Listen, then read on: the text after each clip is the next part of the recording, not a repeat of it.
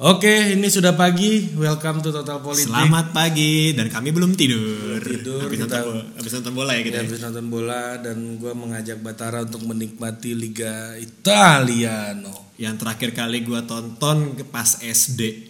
Iya, itu Masih lagi ada Setro Campo Liga Italia SCTV dulu. itu liga-liga Liga Italia lagi top-topnya itu. Di top-topnya ada masih ada Del Piero dulu di Liga Juventus. Inggris itu apa itu Liga Inggris? Hmm, gua nggak tahu waktu itu Iya, Liga Liga Inggris apa. Inggris itu kayak Itu moto MU doang gue. MU kayak ini dulu tuh kayak eh, sejenis eh, apa eh, Liga Dunhill gitu Liga eh, Bank Mandiri waktu itu Liga Italia ini jadi kedikdayaan gitu Parah sih waktu itu. semua orang tuh kalau mau jadi pemain bola hebat ya harus ke Italia waktu itu Mm-mm. nah tapi sekarang ya dunia berubah bro Dunia berubah. Udah gua nggak pernah denger lagi Scudetto tuh diomongin orang Iya. tuh. sekarang eh, Liga Inggris semua kan Liga Inggris semua Liga mainan. Inggris karena Liga Inggris itu eh, mau menurunkan egonya nggak kayak orang Itali. Oh gitu. Ya. Jadi kalau Itali itu makanya kita nonton jam 2.45 tadi kan. Mhm. Karena mereka nggak mau menyesuaikan eh, jadwalnya dengan pasar eh, Asia yang menjadi pasar mayoritas. Oh gitu. Nah, sementara Liga Inggris mereka mau, mengubah jam main mereka sehingga pasar Asia itu dapatnya prime time. Jam berapa berarti? Ya harusnya mereka main di situ biasanya kan setengah empat dijadiin jam 2 gitu mereka Jam main. 2 siang. Iya setengah dua gitu biar biar eh, pasar Eropa pasar Asia yang merupakan pasar paling gede Nontonnya jam-jam prime time Eh, jam-jam jam-jam 8, delapan. jam 2 malam Iya, gitu oh. ya. Belum belum jam belum jam begadang gitu. belum jam gadang ya Spanyol lebih parah lagi Spanyol tuh ada yang jam setengah empat pagi ada yang kayak, gitu ada jam tiga Orang pagi di sini lagi pada siap-siap sholat subuh. Iya jam 3 pagi ya jam 3 pagi tuh ada yang jam 3 pagi eh, pertandingannya. Jadi eh, salah satu keberhasilan Liga Inggris adalah dari kemampuan dia untuk mengcapture marketnya gitu. Iya. Nah tapi kita hari ini nggak akan ngomongin, Nggak ngomongin itu. bola. Nanti kita akan bahas. Nanti gua diem. Nanti gua mau bahas lah kita di konten podcast begini. eh, Kapan-kapan kita bisa bahas soal pendukung eh, Red Star Belgrade yang eh, merupakan apa namanya underbo kekuasaan gitu. ya, Bisa tapi nanti lah nanti. nanti, lah, nanti lah. kayak dan, dan Inter, kayaknya kalau sama gua nggak nyambung. Inter Milan sama AC Milan, AC Milan tuh kelompok bu, eh, kelas pekerja, Inter Milan itu kelompok elit gitu. Oh, gue pengen tahu soal itu tapi jang, nah, nanti Ya, aja. nanti, nanti aja, kita bahas nanti sepak aja. bola dan politik tuh menarik banget di seluruh dunia ada gejalanya. Nah hari ini tuh gue mau ngebahas isu yang sebenarnya dekat gitu loh sama kita loh. Apa itu, Rik?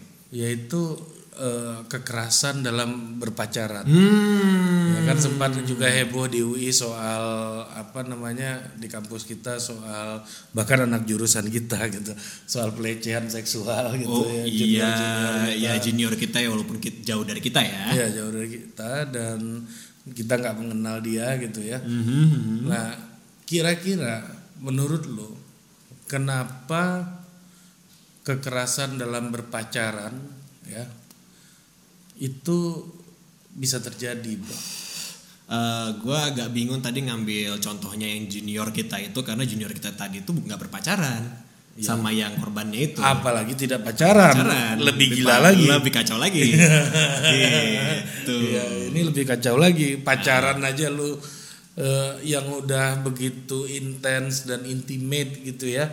Mas lu lakukan kekerasan itu apa namanya jadi masalah apalagi orang yang bukan pacar lu bukan nggak ada hubungan yang intens juga lu Itu lebih kacau lagi. lebih kacau lagi gitu jadi Apalagi maksud kekerasan seksual lagi kan bukan iya kekerasan maksud biasa. gua gini eh, ini kan gejala gejala yang nggak satu dua terjadi bro Itu itu kayak bisa dikatakan agak umum ya. agak gejala di mana-mana Jadi mana-mana. ya gejala di mana-mana Di seluruh dunia bahkan. nah ini jadi concern gua hari ini bro karena apa adik gua tiga orang tiga tiganya perempuan Hmm, ya anak gua perempuan betul.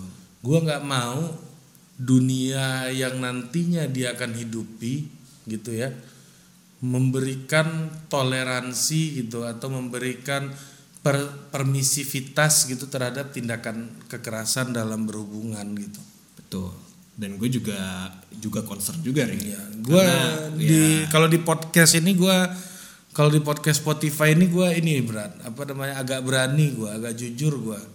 Untuk Kenapa tuh? untuk bilang kalau gua ini gua adalah seorang feminis gitu. kenapa di YouTube, lo gak berani justru Karena ini bro, YouTube ini kan eh, suka pelintar-pelintir. oh Iya kan, suka, wah dasar anda liberal gitu, Ah, lu nggak ngerti liberal, dasar anda komunis, lu nggak ngerti komunis juga, jadi orang-orang apa ya? Gue melihat semakin gedenya total politik, semakin banyak orang yang tidak asik yang nonton gitu. Itu dia itu dia jadi ini tema-tema yang yang apa ya? Bi- bilang kecil enggak, tapi dekat ya relate ya. relate iya dia tema-tema yang relate, tema-tema yang ke- yang sekitar kita, tapi punya impact yang sangat besar gitu di dalam kehidupan kita bermasyarakat gitu loh. Dan menurut gue Ri, ini malah gue jadinya agak nyambungin ke analisis gue soal kekera- kekerasan dan berpacaran karena masa kekerasan berpacaran itu ada hubungannya dengan politik dalam arti Iya luas. pasti pasti ada Eh, pol- ada policy. distribution of power gitu Iya. di situ. dan iya ada policy, ada eh, permasalahan kebijakan yang dari awalnya membentuk ma- manusianya jadi kayak begitu. Eh, ke- tadi gue sempat bikin podcast soal pemikiran Manuel Castle, bro. Ini sorry ya, ada suara ayam ya, karena kita pagi-pagi ayam baru baru di, Bangun ya ini baru dinas nih. ayam dinas nih Tadi si Manuel siapa? Ya ini ayam dinas jam segini dia makin semangat apa namanya makin diharuskan dinas jam segini bro sekarang sejak omnibus law. Jadi ayam masuk lebih pagi. Oke ya, tipis-tipis oke ya itu ya. Iya, mantap, mantap, Iya, mantap, tipis-tipis respect ya kalau kata Panji tipis-tipis Tipis-tipis respect. Respect terhadap ayam jago. Enggak eh, apa jokesnya jokes Jokesnya. ya. Ah. Tapi kita juga harus respect sama ayam jago. Iya, iya, iya, Bang Jago gitu. Bang Jago. Jadi, jadi lebih pagi karena karena omnibus law. Nah, balik lagi ke Oke, tadi. si Manuel siapa? Manuel Castle. Dia jadi dia bilang gini, Bro. Ehm, kalau menurut lo dan pelajaran yang lo pelajarin selama ini apa yang lo anggap sebagai kekuasaan? Kekuasaan Hmm. adalah ketika lo punya sesuatu yang bisa mempengaruhi sekitar lo. Oke. Nah, Oke. ya misalnya, Itu tepat. iya kan? Ada definisi itu ada. Ya kayak misalnya gue mindahin gelas ya kan, Hmm. gue punya kekuasaan dengan kekuatan gue untuk mindahin ini gelas dari sini ke sini gitu kan. Oke, Gua mempengaruhi, mempengaruhi. Mempengaruhi eh, Lokasi gelas itu. bagaimana gelas gelas tersebut eh, exist gitu ya. Hmm. Nah, kalau Manuel Kessel bilang gini, the fundamental form of power is to shape the human mind. Hmm. Ya, jadi the fundamental form of power is to shape the human mind. The fundament yang fundamentalnya. ya. Iya, jadi bentuk paling fundamental dari kekuasaan itu adalah membentuk pikiran manusia. Hmm. Itu kenapa gue kalau punya pengen kalau misalnya gue bisa milih punya superpower nih, gue Ya. pengen pengen apa superpower gue adalah mengendalikan pikiran Iya, orang. main kontrol ya. Heeh, main kontrol. Iya, artinya lu mau jadi orang paling berkuasa. Betul. Gitu. jadi itu Gitu, itu tepat tuh. Apa namanya? keinginan lu tepat. Dalam analogi ini. Ya dalam dalam dalam tadi lu ngomong itu ke gua kan? Iya kan? Pas kita nonton The Incredibles. Iya, Iya The kan? Incredibles Iya, 2. iya, Ah, gua- kan itu main kontrol juga tuh, Iya, hipnotis.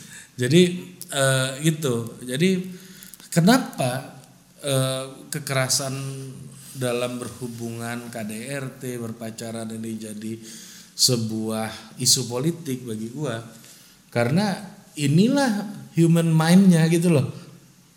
Iya, Iya, gitu benar. loh. Ini human, mind, kita ini. dibentuk untuk jadi kayak gitu gitu. Hmm.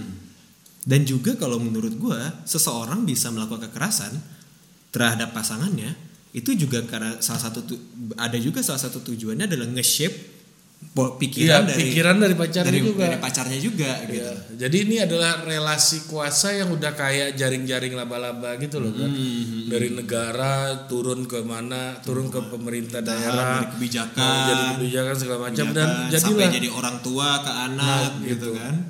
Jadi ini memang eranya yang sangat apa namanya manusia yang satu memakan manusia yang lain gitu loh bro. Oh, homo homini lupus. Iya, eh, Leviathan. Laviata, Iya, Thomas kan? Hobbes. Thomas Hobbes.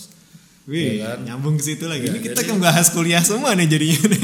Iya, mak- maksud gue ini isu kekerasan berpacaran gitu. Hmm. Nah, kira-kira dari pengalaman lu nih, ini gue nanya pengalaman ya. Ah, Eh, dari teman-teman lu, gue yakin lu nggak pernah melakukan kekerasan dalam berhubungan. Sejauh ini enggak sih. Gue yakin. Ya, gue kalaupun gue marah, gue tinju dinding biasanya.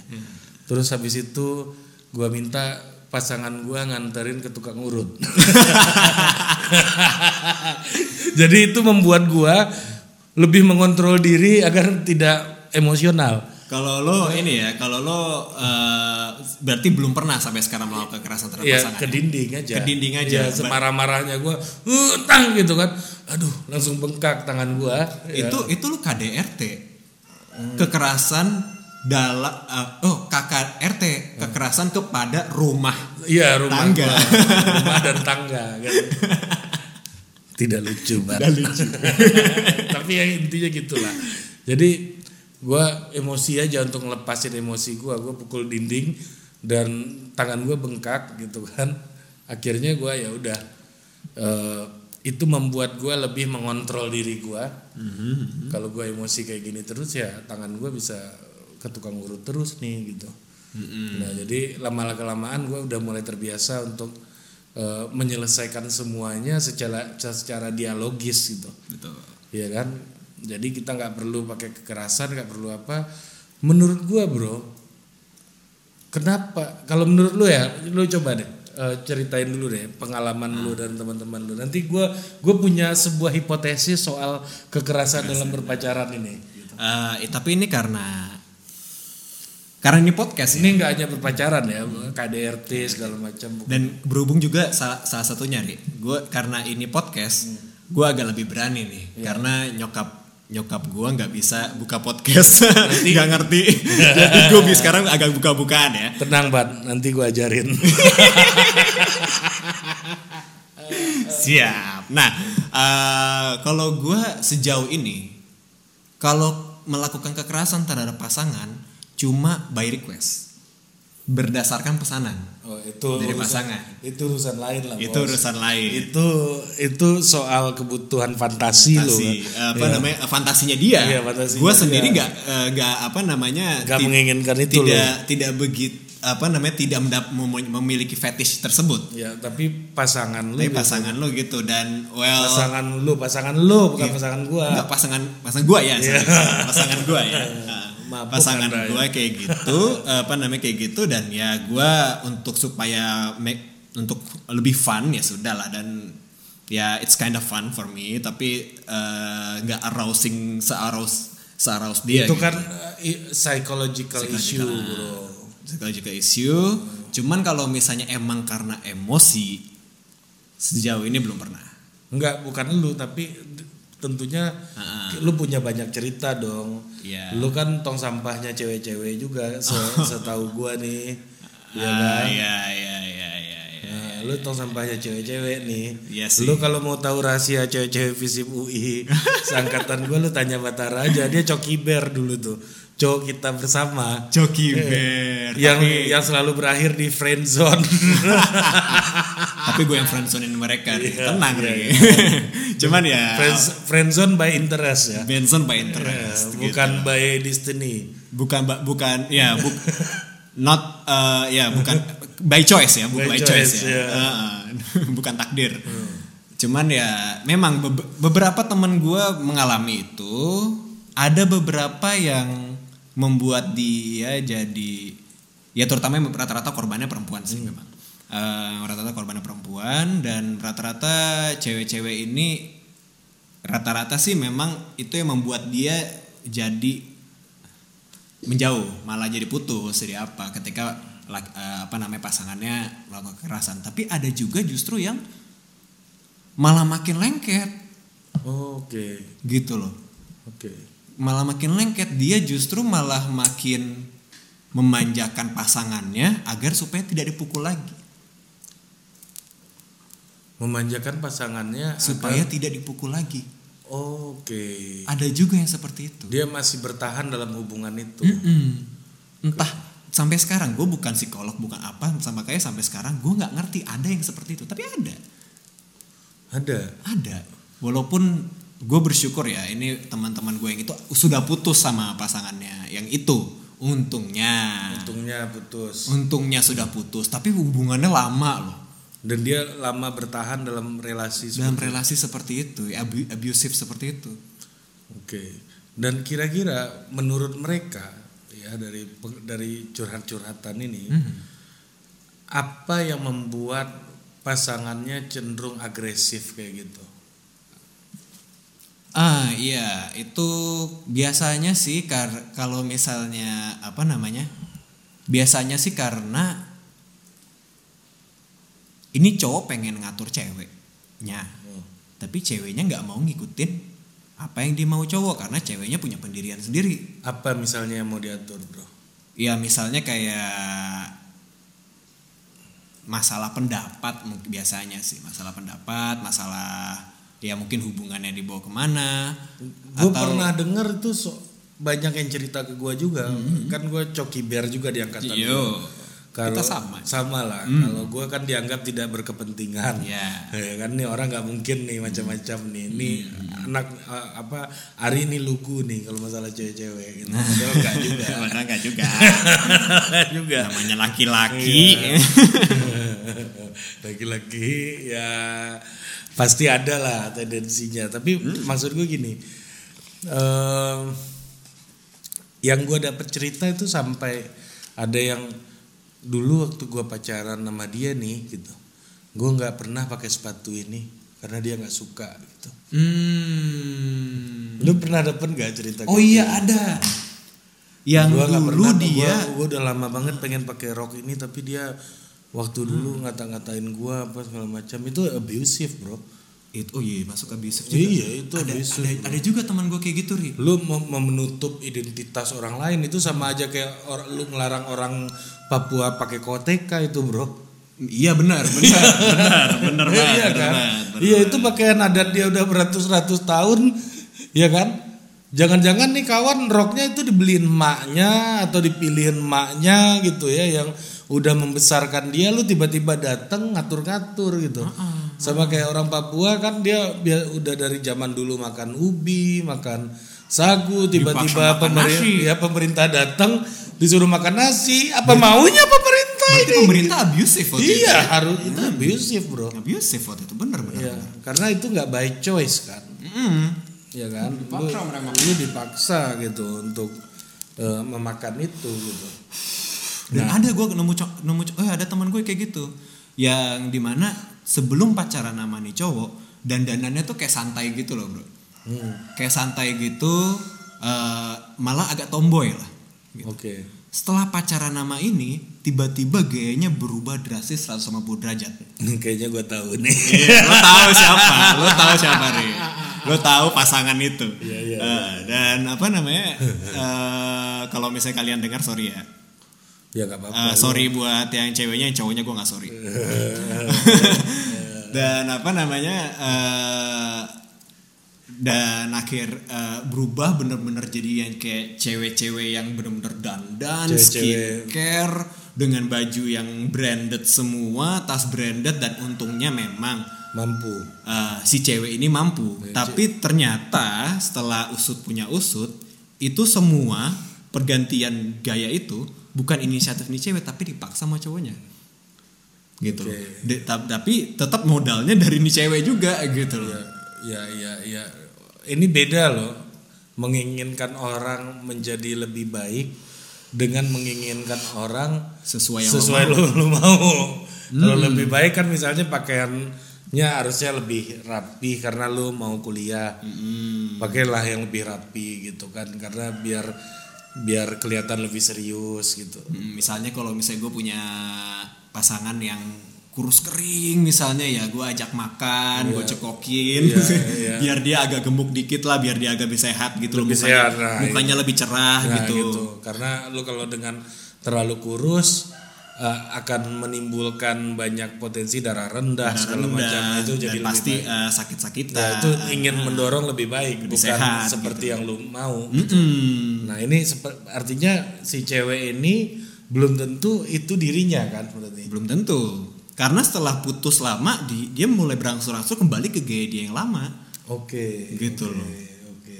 kayak udah terbebas gitu loh akhirnya tapi lama tuh pas ini apa namanya mereka berpacaran tuh ya lu tahu lah ya lu tahu orangnya Tahu- tahu. ini ini abusive, Bro. itu abusive iya bener sih Iya. itu abusive sih Ya itu artinya kan iya kayak gue bilang tadi analogi gue itu orang Papua yang udah beratus-ratus tahun makan ubi pa- eh, makan Ribuan sagu, tahun ribuan tahun makan sagu gitu ya tiba-tiba ada pemerintah datang Ternyata datang bilang makan nasi lu Iya, ada cerita dulu juga eh, apa program pemerintah orang Papua dikasih baju gitu, tapi nggak diajarin cuci baju, bro.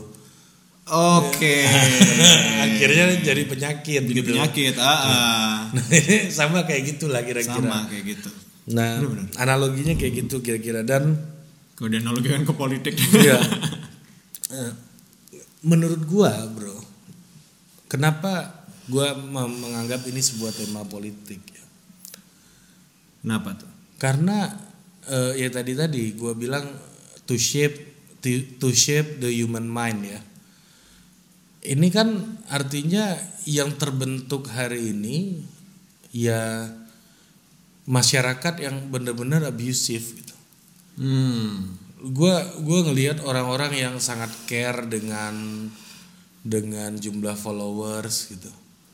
Dengan jumlah dengan apa namanya badan yang kegemukan hari ini. Iya. Ya kan? Dia care maksud gua ya padahal nggak gemuk-gemuk amat gitu tapi takut dikatain orang aja gitu. Nah jadi masyarakat kita hari ini tuh memang cenderung lebih lebih apa ya lebih assaulting ya lebih lebih menyerang gitu loh Oh iya iya Lebih iya, menyerang. iya, iya, paham paham. Menyerang dengan pemahaman kecantikan yang dia punya yang dia punya. Ah, ah. Standar yang lu punya lu suruh orang make gitu. Memang Iya. yang terjadi di dalam konteks yang lebih besar kayak gitu. Dalam politik pun juga gitu. Ya apa misalnya nih ya, misalnya kayak gue sering lihat yang kayak apa namanya? Elah TTT pos aja sok cantik. nah, Nah, gitu. Dan orang-orang yang assaulting itu dapat ruang di media sosial gitu. Mm, yang dulunya cuma di tongkrongannya gitu kan. Sekarang mereka bertemu dan di media sosial dan bikin paguyuban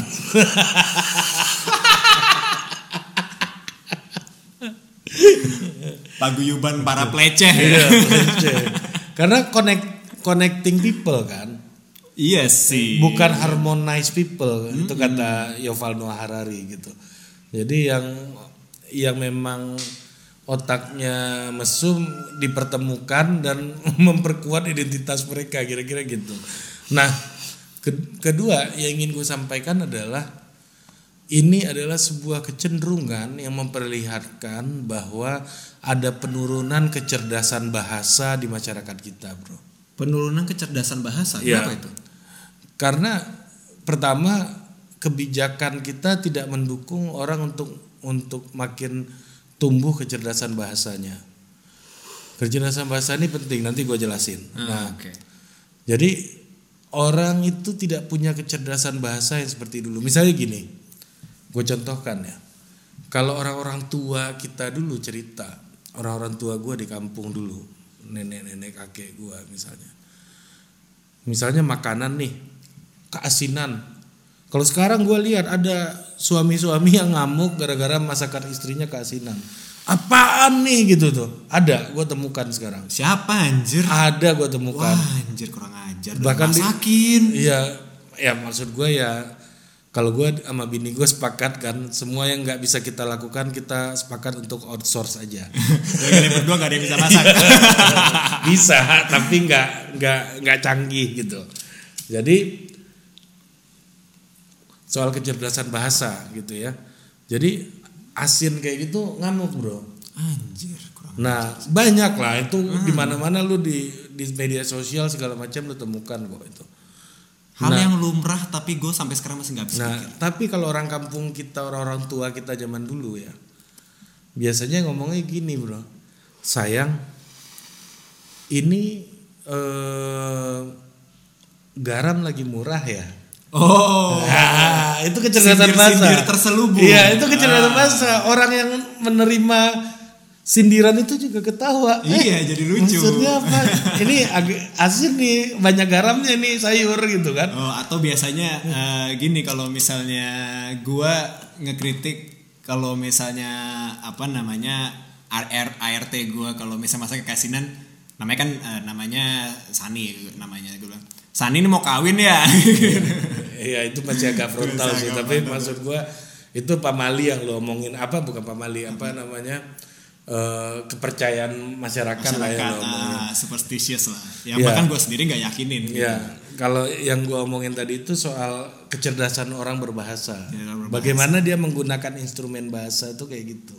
Jadi ini garam lagi murah ya. Hmm. Lagi murah ya. Ya, jadi ini agak asin gitu kan. Apa kebanyakan garamnya nih gitu. Itu itu masuk silat lidah itu. Iya, iya, maksud gue ini yang gue mau bilang kecerdasan berbahasa, Hmm. bro.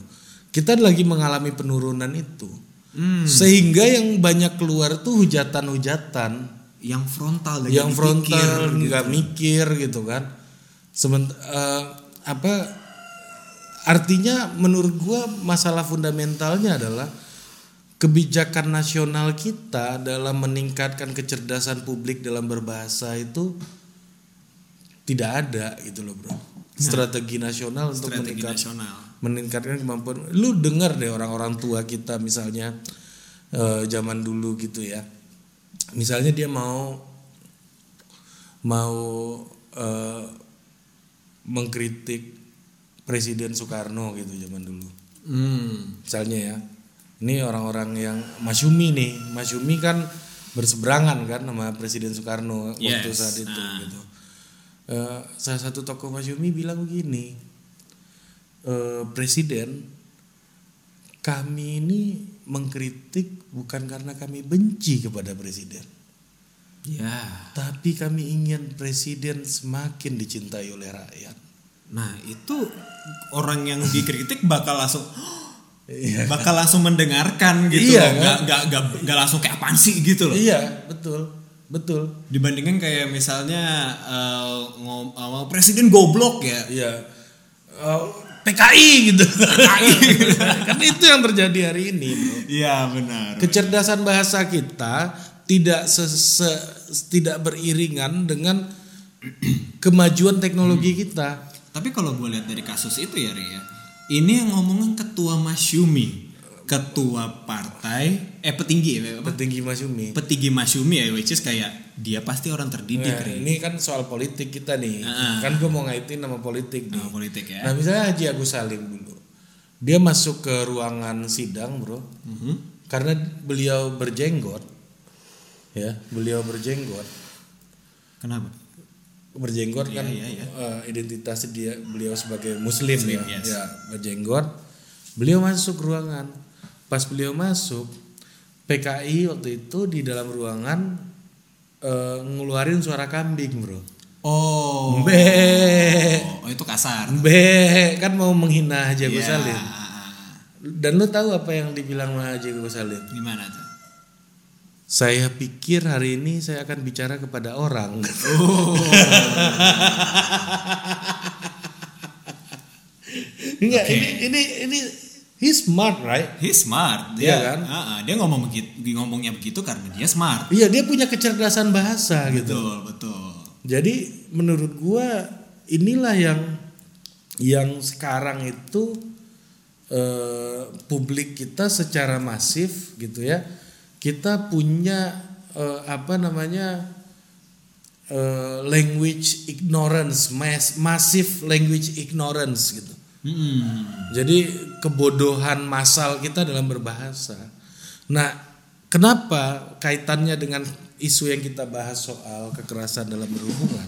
Kenapa itu? Kalau lu punya perangkat bahasa dan kecerdasan bahasa kayak gitu, Mhm. lu nggak mungkin pakai instrumen kekerasan, bro. Ya, betul. Karena omongan lu pasti sampai. Itu yang kaitannya dengan eh, kemampuan pahlawan super yang lu bilang di awal, yaitu mind control itu. Eh, super power. Iya, Tapi super yang power. gua ambil contohnya itu super villain semua sih bukan Iya. superhero. Iya kan? Mind control kan. Iya. Itu kan soal kemampuan berbahasa, Bro. Ketika lu mampu untuk berbahasa, men- menyentuh hati orang, menyentuh pikiran orang gitu ya. Ya, lu justru bisa mengendalikan dia di situ. Dia bisa kendaliin orang gitu. Benar, benar. Nah. Guys, kalau misalnya kalian pengen mengendalikan pikiran orang, berbahasalah dengan Lihat. cantik. Iya, tingkatkanlah kemampuan berbahasa udah. Benar sih, benar guys, benar-benar. Iya, gue menurut gua ya bro, semua pelaku kekerasan dalam berhubungan itu orang-orang yang tidak mampu dan tidak memiliki kecerdasan berbahasa, gitu. Kalau dia punya kecerdasan berbahasa, dia nggak akan lakukan itu, karena de- secara teoritik perang pun dilakukan ketika lu udah nggak bisa berdialog kan, iya nggak? Iya, betul, betul. Kalau lu masih bisa ngomong, apa lu masih mau perang? Ya, apa Misalnya namanya, kalau lu- misalnya negosiasi lo dapat ngapain perang gitu Iya, kan? lu misalnya lu eh, Cina, gua Amerika gitu Hmm, ya misalnya. Ya kan? Eh, eh, Batara, udahlah. Kita hitung lagi aja. nggak usah lah marah-marah.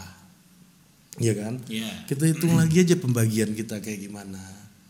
Ya kan berapa kita dapat, berapa Cina dapat. Ya udah kita cari titik temu yang paling adil aja. Nah, jadi gitu loh maksud gua. Jadi ada upaya kayak gitu dan gue yakin tuh orang-orang itu dan gue nemuin ya kenapa gue tanya perempuan kenapa lu nggak putusin aja ya kalau gue mau putusin dia ngambek dia ini dia, dia mau sedih. mau iris-iris tangannya segala macam kan Iya, gitu kan iya, yang banyak iya, terjadi iya, kan iya, banyak kasusnya seperti itu. iya itu kan orang-orang yang nggak mampu membangun eh, kecakapan dalam berargumentasi bro nah menurut gua ket- ketika lu punya anak salah satu kemampuan dasar yang harus dibangun tuh ya kecakapan dalam berbahasa Sehingga anak lo bisa nurut lo gitu. bukan hanya nurut tapi dia adalah orang yang nantinya punya perangkat kultural gitu ya untuk bernegosiasi dengan orang lain gitu. Hmm, makanya apa namanya kalau misalnya punya anak tuh jangan langsung kayak jangan begini, jangan begini. Nah, Apalagi kan katanya ada nah, psikologis betul. ada psikologis anak katanya anak tuh tidak mengerti kata negatif. Ya gitu itu loh. kan teknisnya. teknisnya. Tapi maksud Tapi gua itu ketika- pun kalau kita ngomong kayak jangan begini jangan begitu itu itu pun kalau misalnya dia nggak paham tuh kenapa malah dia berontak gitu loh. ya mak- maksudnya itu karena yang paling penting bangun pemahamannya kan. Betul. Iya kan ketika lu memperlakukan anak lu sebagai subjek yang subjek bahasa Ya. gitu ya. Dia dia akan tumbuh menjadi itu. Itu loh maksud gua. Dan itu juga mengajarkan dia buat nanti ke depannya dia pun berbahasanya Iya. juga lebih bagus gitu. Karena kita nggak tahu bro ya. Ini dalam 20-30 tahun ke depan pekerjaan itu semakin berubah. Jadi Iya. maksud gua pekerjaan anak kita itu belum ada. Iya. Iya kan? Ya kayak zaman apa namanya eh Zaman dulu zaman bokap kita nggak ada youtuber kan, Iya, nggak ada podcaster. Gitu. tapi di zaman kita juga tidak ada tukang ketik di zaman bokap kita ada. Iya, jadi ada yang hilang, ada yang muncul baru. muncul baru. Nah, tapi semuanya itu dia harus punya skill-skill yang fundamental. Salah satunya itu kecakapan berbahasa. Bahasa. Dan memang skill negosiasi itu penting di semua bidang. Betul, betul. Betul banget. Ja- Jadi menurut gua adalah ini policy nasionalnya, kebijakan nasionalnya yang tidak pernah peduli dengan kecakapan berbahasa. Iya kita misalnya, ayo kita semangatkan literasi segala macam. Eh, aktivitinya apa? Seminar. Ngapain lu emang bisa orang dikasih seminar jadi lebih cakap berbahasa gitu. Hmm, apa namanya? Lu cuman apa namanya ikut seminar berapa apa namanya? Bisa program seminarnya empat kali sekali seminggu lah, nggak bakal cukup lah itu. Gak bakal cukup. Ah, itu Karena- bakal butuh proses tahunan. sebenarnya. tahunan karena kecakapan berbahasa inilah yang yang betul-betul harus lo mulai dari gerakan mulai dari keluarga bagaimana pemerintah itu mengajak orang-orang tua itu membangun kecakapan itu di anaknya gitu misalnya Belum lagi kecakapan bahasa juga bukan masalah apa namanya kosakata yang dihafal tapi juga e- emosi. emosi dan bagaimana menggunakan satu kata yang tepat untuk eh, tujuan tertentu tujuan tertentu dan juga gimana itu juga butuh skill me- apa namanya observasi lawan bicara juga. Iya, karena kan belum tentu teknik ini berlaku untuk orang yang Betul, seperti ini betul. gitu. itu termasuk kecerdasan berbahasa. Bahasa karena ya itu tadi balik lagi karena policy nasionalnya nggak ada. Kita nggak pernah peduli dengan kemampuan orang berbahasa gitu. Karena ketika lu peduli dengan kemampuan berbahasa artinya lu peduli dengan kemampuan masyarakat itu berpikir karena orang nggak bisa berpikir tanpa bahasa bro. Oh jelas. Karena ya kalau mikir- mikirin apa kalau misalnya dia gak ada kata-katanya kan? Ya nggak ada simbol nggak Nggak ada, ada simbol. apa gitu. Nggak ada sis nggak ada sistem pemikiran Iya dan nah kenapa gua senang dengan teman-teman stand up comedian?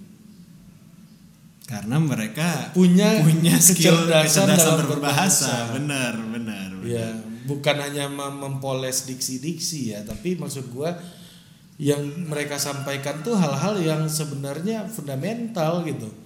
Ya gua gua seneng banget tuh kutipannya eh, Adriano Colby. Adriano Colby Ya, itu itu gua gua gua ngeliat konten dia sama lo tuh gua akuin dia cerdas banget sih dalam berbahasa. bisa berbahasa ya nah apa namanya dia bilang i- apa namanya istri ah, kalau lu kritik pemerintah ya jangan kritik terus karena pemerintah ada baiknya. Ya suami-suami yang mukulin istrinya juga ada baiknya. Kalau hari-hari penting dia kasih kado kata Adri kan. Ah. ini kecerdasan berbahasa banget bro. Ini ini sebuah eh, bentuk orang yang punya kompleksitas dalam berpikir gitu. kompleksitas dalam berpikir yes, yes. Ya, nah jadi itu yang sejauh ini gua ngerasa tidak ada sebuah upaya yang sangat sistematis gitu dari kebijakan dari kebijakan nasional. kebijakan nasional yes tapi Jadi- kalau menurut lu memang bisa dengan kebijakan mengatur itu Bisa bro, bisa. banget. gimana kira-kira Bisa banget. Praktisnya ya, praktisnya nih ya. Misalnya sekolah itu udah, lu di sekolah ya udah mulai tuh berbahasa yang yang yang yang ada standarnya gitu loh. hmm Jadi di bahasa lu di sekolah, misalnya anak-anak di sekolah dibangun kultur berbahasa yang yang ada standarnya gitu. Oh, jadi mungkin kayak ada apa eh, gimana? Mungkin ada mata pelajaran yang memang untuk melatih itu mungkin ya. Iya, atau misalnya eh, apa namanya kita mulai lagi untuk ber, ber- apa be- membahas karya-karya sastra gitu di sekolah. Oh iya benar benar benar Iya kan? benar benar. Mungkin lebih radikal lagi gue berpikirnya dari SD sampai SMA lu udah ngajar filsafat aja sekalian. Itu menarik. Iya. Itu menarik. Ada mata kuliah filsafat, mata pelajaran filsafat dengan nama yang berbeda-beda ya. Berbeda-beda. Mungkin di SD apa namanya dasar-dasar berpikir Pikir logis, logis. gitu kan. Di SMP mulai apa namanya membangun kaedah membangun argumentasi gitu misalnya. Di SMA mungkin eh, dasar-dasar berpikir kritis gitu. Kalau di Prancis itu di SMA-nya udah ada mata pelajaran filosofi, Bro. Hmm, kan filosofi ya. Iya filosofi itu satu. Jadi di sekolah budaya berbahasa di sekolah, kedua mata pelajaran. Nah yang ketiga bro, ini yang paling fundamental nih menurut gua. library, library, Iya. perpustakaan. perpustakaan. Jadi gimana pemerintah ini memang mikirin konsumsi informasi dari masyarakatnya. Hmm. Jadi eh, ini juga pernah gua sampein di konten gua sama Pak Mansap ya. Eh tapi sebentar ya, itu juga kalau gue lihat sama juga contohnya dengan eh, kan katanya pendidikan paling bagus di dunia kan sekarang di Finlandia kan. Ketik buat itu gue juga penasaran kenapa sih dia bisa dikatakan paling bagus. Itu bahkan katanya filsafat itu bukan cuma satu mata pelajaran sendiri. Setiap mata pelajaran itu mereka mengajarkan filsafat dari ilmu itu. Betul, betul. Gitu. Dari betul. SD Dari SD. dari SD ya matematika dia belajar eh, aljabar misalnya itu filsafat aljabar itu diajarin ke anaknya sehingga anaknya ngerti dia harus belajar ini tuh kenapa Nah, gitu Bini eh, istri gua kan dari SD sampai SMA di US di Ohio. Ohio yes Ya, Ohio di eh, negara bagiannya Ohio, dia di Columbus sama di Athens tinggal dia. Mm-mm. Dia itu SD itu udah baca Anne Frank, Bro. Hmm. Eh, ini ya eh, Anne Frank yang eh, korban Nazi itu ya Iya, anak udah, perempuan itu udah baca diary itu. Mm-mm. SD, gua baca itu pas udah kuliah. Sedangkan kita berapa persen anak SMA yang sudah baca Pramudia Nantatur Iya, dan nah gua beruntung, gua lahir di Sumatera Barat. Hmm. Sumbar itu punya tradisi penulis-penulis yang bagus. Marah Rusli, terus A.A. Nafis. Muhammad Hatta Muhammad Hatta memang uh, politician ilmuwan ya, tapi, penulis juga. penulis juga Ya kan? Tan Malaka penulis juga. Ya, intelektual kan. Eh, Buya Hamka, tenggelamnya kapal Van der Weyck. Iya. kan. Nah, jadi punya tradisi sastra yang panjang. Jadi waktu gua SMP itu udah mulai nyerempet-nyerempet bahas itu. Gua baca tenggelamnya kapal Van der Weyck itu SMP, Bro. SMP ya SMP. Karena ya karena ada kedekatan itu aja, tapi nggak sesuatu yang intensif juga, cuma sekali-sekali aja itu dianggap ekstrakurikuler. Hmm. Nah, gitu. Jadi padahal itulah yang pelajaran pokok sebenarnya gitu loh, Bro. Iya itu harusnya jadi eh, pelajaran pokok Iya, karena sih. kita ini yang dihitung pinter tuh yang jago matematika sih, Bro. Iya. Padahal kan matematikanya bukan matematika yang argumentatif yang logis juga, cuma teknis ngitung-ngitung. Serius deh dulu gue pas SMA, gue tuh matematika asal udah paham pakemnya, udah gampang banget itu. Iya, bukan matematika yang bener-bener aljabar yang argumentatif gitu loh, Bro. Ah, ah, yang bisa diargumentatif lu eh, cuman kayak ya udah lu tahu rumusnya, lu Nah, paham gitu, rumusnya, pakai udah. rumus, pakai rumus Ah, itu ah. matematika tukang. Iya bener banget, Iya. bener banget. Kalau di YouTube kita ngomong gini bisa diamuk tukang kita, Bro. Tapi kalau di Maaf Spotify- para tukang. Iya, kalau di Spotify agak aman gitu. Nah, Jadi itu yang gue lihat bahwa eh, harusnya itu jadi main course. Jadi makanan makanan utamanya. Jadi gue bakal hubungin ya guys. Eh, kenapa sekarang kita malah jadi ngomongin pendidikan? Karena eh, berarti kan hubungannya antara ketika pendidikan udah mengajarkan filsafat, karya sastra, sehingga mem- memba- membantu eh, siswa-siswa kita, anak-anak kita untuk mel- apa namanya pintar berbahasa, berfi- berpikir dalam berbicara, Berlogis. berlogika. Jadi kayak kita, dia semakin eh, mereka semakin pintar berbicara, semakin ber, pintar berbicara sehingga nantinya mengu- apa namanya kalau kita semua persoalan, konflik, semua persoalan perbedaan di masyarakat bisa mereka selesaikan dengan kecerdasan berbahasa. bahasa bahkan dalam berpacaran. Berpacaran itu salah satu aja. Hmm. Iya kan? Nah, di sinilah gua merasa sedih. Hari sedih guys. Enggak itu kan ada di di TV net TV kan. Di sinilah saya, Saya merasa, merasa sedih. gitu kan. Jadi di sinilah gua agak merasa sedih sebenarnya. Misalnya gini bro, lu tahu nggak pajak penulis tuh royaltinya berapa? Berapa tuh? Up to 30 loh. Lumayan gede dong. Gede banget. Iya, gede banget. Udah kayak bisnis batu bara gue lihat Udah penulis. kayak agen asuransi. Iya, gokil bro. Ini negara ini nggak ramah terhadap literasi. negara ini udah ekosistem literasinya udah rusak makanya yang terjadi kayak begitu syukurin aja gitu kadang-kadang gue bilang Hmm, ya penulis berarti anjir 30% penjualan diambil. keuntungan bro Ah, ah.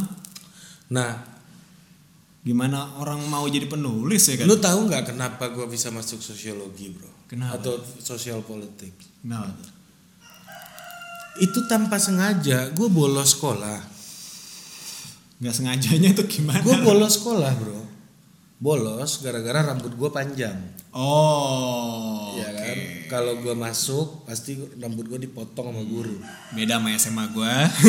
Kalau SMA gue, gue gondrong masuk aja karena waktu itu nilai gue lumayan bagus lah waktu itu. saya kan SMA pemerintah Iya sih. anda SMA, SMA Vatikan Vatikan Ikan.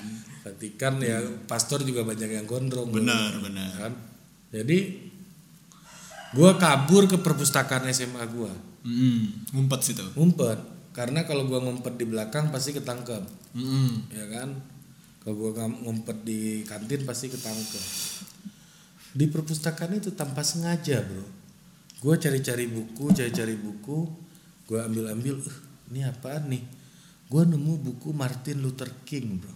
Uh, I have a dream. I have a dream. Sang pembebas apartheid di Amerika itu ya. nah iya jadi gue nemu buku itu gue baca baca baca sampai habis. Sampai gue tahu John F. Kennedy ditembak di Dallas gara-gara berusaha untuk eh, menggolkan apa namanya civic civic rights bill itu kan. Nah terus Lyndon B. Johnson disumpah di atas pesawat untuk menggantikan John F. Kennedy ya. Ditembak apa setelah John F. Kennedy ditembak untuk Iya.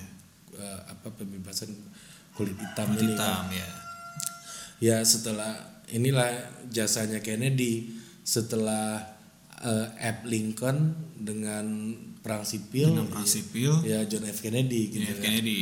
Ya karena eh, kode genetik politik Amerika itu kan soal race ya, soal rasial gitu. Dan ujung-ujungnya mereka meninggal karena ditembak berdua tuh ya. Ditembak. Eh, sama eh, Lincoln sama Kennedy. Iya, karena isu rasial. Nah, isu rasial betul. Nah, jadi di buku itu gue nemuin lah fakta-fakta kayak begitu, bro.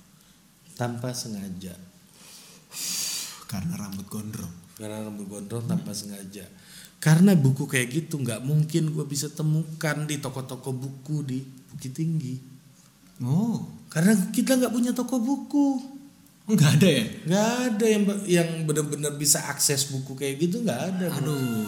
nggak ada Gramedia di Bukit Tinggi waktu itu Waduh. ya maksud gua nggak ada toko buku juga yang benar-benar qualified gitu Hmm. adanya toko buku Sabili toko buku majalah-majalah propaganda itu banyak Oh, propaganda apa? Ya, itu kayak inilah eh, kalau sekarang tuh channelnya macan idealis lah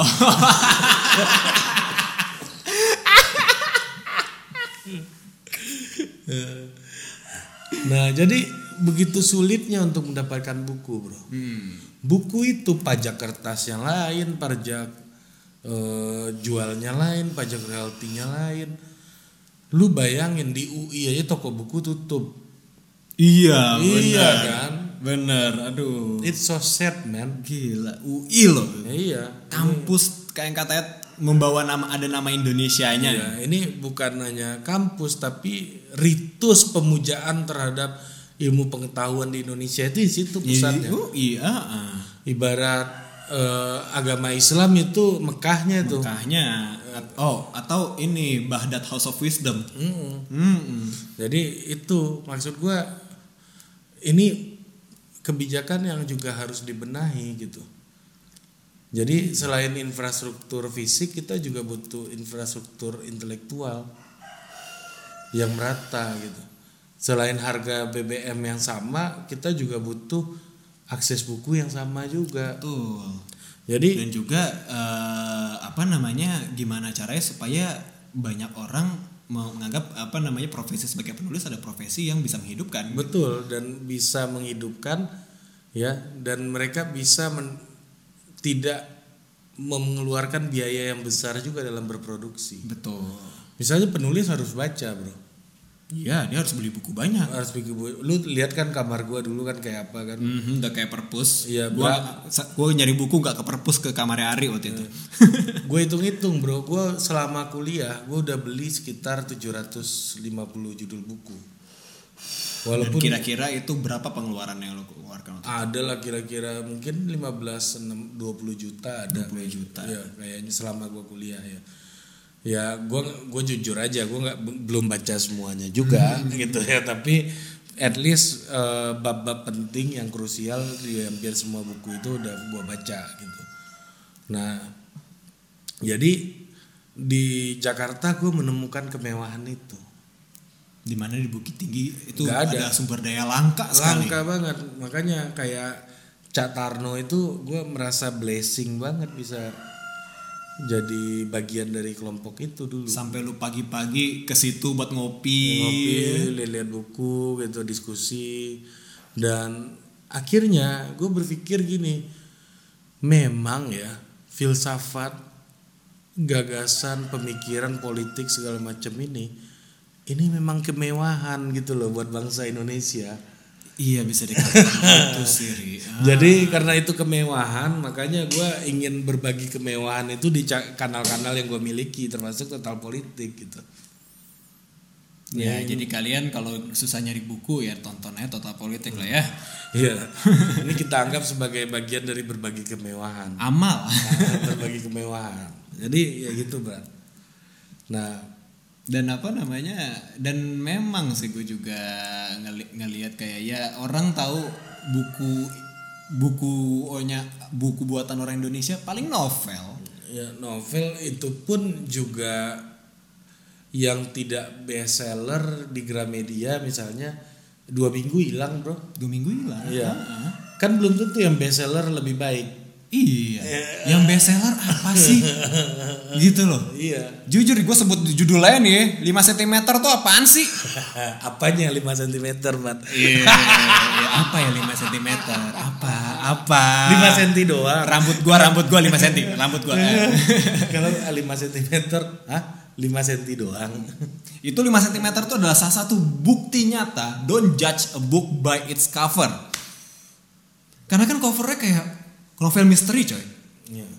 Hitam gelap terus tulisan 5 cm dengan eh, Bercak font- darah. Enggak, bukan bercak darah. Font mesin ketik. Oh iya. Ah, ah. Kan kesannya novel misteri. Terus ya ilah cuman teman-teman pengen naik gunung aja elah. Ngapain? Apaan sih? Gitu. Apa, apa yang aneh mana gunung ya? Apa yang spesial dengan naik gunung gitu loh. Sorry anak-anak eh, ini pencinta alam, tapi jujur Enggak, gua kalau buat nggak anak- menemukan spesialnya naik gunung. Gua Enggak, sekali naik. gini, buat anak pecinta alam pun naik gunung tuh nggak spesial, bro. Karena itu kesenangan mereka hari-hari. Kesenangan. aja. Iya, benar. Iya. Ini bukan sesuatu yang betul-betul harus dirayakan juga buat mereka ya. Bukan ini, bukan tiba-tiba lu udah ke situ dan itu menjadi tujuan hidup dan menemukan jati diri Ya, gitu. enggak, mereka itu kebutuhan aja kayak misalnya gue senang futsal, senang futsal. Ya udah gue main futsal aja. Iya, Enggak iya, spesial juga gue buat gue main futsal. Itu kayak olahraga buat Iya, mereka. eh, gitu. kesenangan aja. Mm-mm, Bukan hobi. bukan hal yang harus dilebay-lebayin juga. Kalau lu- ah. gue kan punya banyak temen di pencinta alam juga gitu ya. Dan melihat dulu sempat eh, pergunungan ini menjadi tren, mereka juga sangat resah melihatnya. Jadi bagi orang-orang pecinta alam ya kayak lu senang baca buku, Lu lu pernah naik gunung gak sih? nggak pernah gue. Gue tuh pernah sekali naik gunung. Gunung apa? Gunung Lawu. Hmm, Gunung kedua Jawa tertinggi Tengah. di Jawa. Jawa Tengah. Nah, yang katanya gunung paling angker katanya. Itu gue naik gunung, gue nyampe puncak yang katanya lu bakal dapat merasa achievement dan pemandangan yang bagus. Gue nyampe puncak gue kayak, oke gue dari puncak terus gue ngapain? Terus gue turun lagi gitu. Eh, karena bukan lu bukan di situ bro Hmm? kalau buat orang-orang itu ya kayak main futsal main futsal kan cuma ngerebutin bola 10 orang gitu ya Hmm, Tapi ya gitu apa namanya? ngapain gitu itu nggak sespesial itu sampai bahkan orang yang tidak tertarik dengan gunung tiba-tiba tertarik gitu nggak nggak bisa se, Iya. nggak sekuat itu juga efek naik gunung itu. Ya naik gunung ya kesenangan aja. Senangan aja untuk orang-orang yang menganggap itu menyenangkan. Menyenangkan ya nggak perlu lu lebay-lebayin kayak di 5 cm itu. Ya nggak apa-apa lah itu karya sastra juga. Paling nggak orang baca bro. Setidaknya orang baca. ya setidaknya orang Setidaknya baca. membuat orang membaca. Iya, iya itu. Setidaknya membuat orang membaca. Ya dimulai Jadi- dari situ lah. Jadi perangkat bahasanya menjadi lebih eh, kompleks. Hmm, walaupun kalau ngikutin 5 cm perangkat bahasanya norak sih. Ya tapi ya paling enggak gitu loh bro. Ada yang dibaca. Setidaknya ada yang dibaca ya. Setidaknya ada yang Nah dibaca. makanya itu harus kita, lu harus bersyukur sebagai orang yang besar di Jakarta gitu. Iya sih. Dan punya akses yang Punya akses berlimpahan yang banyak. Eh, dan perangkat bahasa ini yang perlu ditingkatkan gitu. Nah makanya gue ngelihat orang-orang yang berlaku kekerasan ini ya memang tidak terbiasa menggunakan perangkat bahasa gitu. Dan gue ya, tapi gini ri, gue yakin nanti eh, apa namanya eh, di kom, kalau misalnya ini di YouTube pasti ada yang komen. Yang komen pasti pada curhat. Dan pasti pada bilang, tapi kalau misalnya udah kita bertata bahasa baik, tapi kalau misalnya emang e- masalah ego tinggi, sama-sama ti- egonya dia emang tinggi, gimana emang gak bisa dirubah mau dengan bahasa apa pun. Ini kita tidak buka bukan eh, apa pembicaraan hati ke hati ya. Tapi ya nggak nggak apa-apa juga. Maksudnya itu kan perlu dilatih terus menerus. Perlu dilatih terus menerus. karena memang eh, eh, apa namanya untuk kita bisa bernegosiasi dan ber- apa namanya eh, untuk bernegosiasi dengan orang juga kita pun harus memahami orang tersebut Betul, gitu. betul. Ya kalau misalnya egonya tinggi ya gimana caranya mencari celah dari dia gitu. Hmm. Ketika kita memahami dia kita pasti tahu ada bagian-bagian yang bisa dikontrol. Udah udah udah ban, udah mau sejam ini ban. Wajar. Udah terang. Oke, ini juga menurut gua sih ini sebagian aja untuk untuk menurunkan tingkat eh, apa namanya kekerasan itu. Ada ada hal lain lagi, tapi ini menurut gua salah satu dimensi yang fundamental gitu.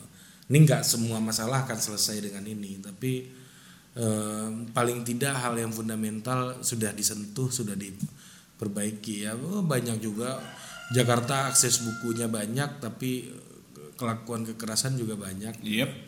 Ya, tapi gua rasa yang melakukan itu tidak memahami esensi literasi dengan baik sih. Walaupun gua yakin kayak gitu gitu. Oke, Oke kita bentar, tapi gue mau menutup dengan satu quotes untuk misalnya kayak misalnya kalian kalau yang mendengar dan merasa resah kayak yang tadi yang gue bilang yang kayak ya gue udah berbahasa tapi gue pasangan gue egonya tinggi segala macem gitu dia merasa tinggi gue bakal mengutip satu eh, quotes dari Sun Tzu di, eh, di tulisannya di Art of War kalau misalnya menghadapi orang yang merasa tinggi kamu harus merendah gitu gitu aja sih untuk sampai ke kesimpulan orang yang tinggi dan merendah itu lu butuh kecerdasan bahasa itu. betul Itu Oke, apa segitu. maksudnya bersihin tadi? hmm? emang gua bersihin Oke, sampai jumpa di total politik berikutnya. dadah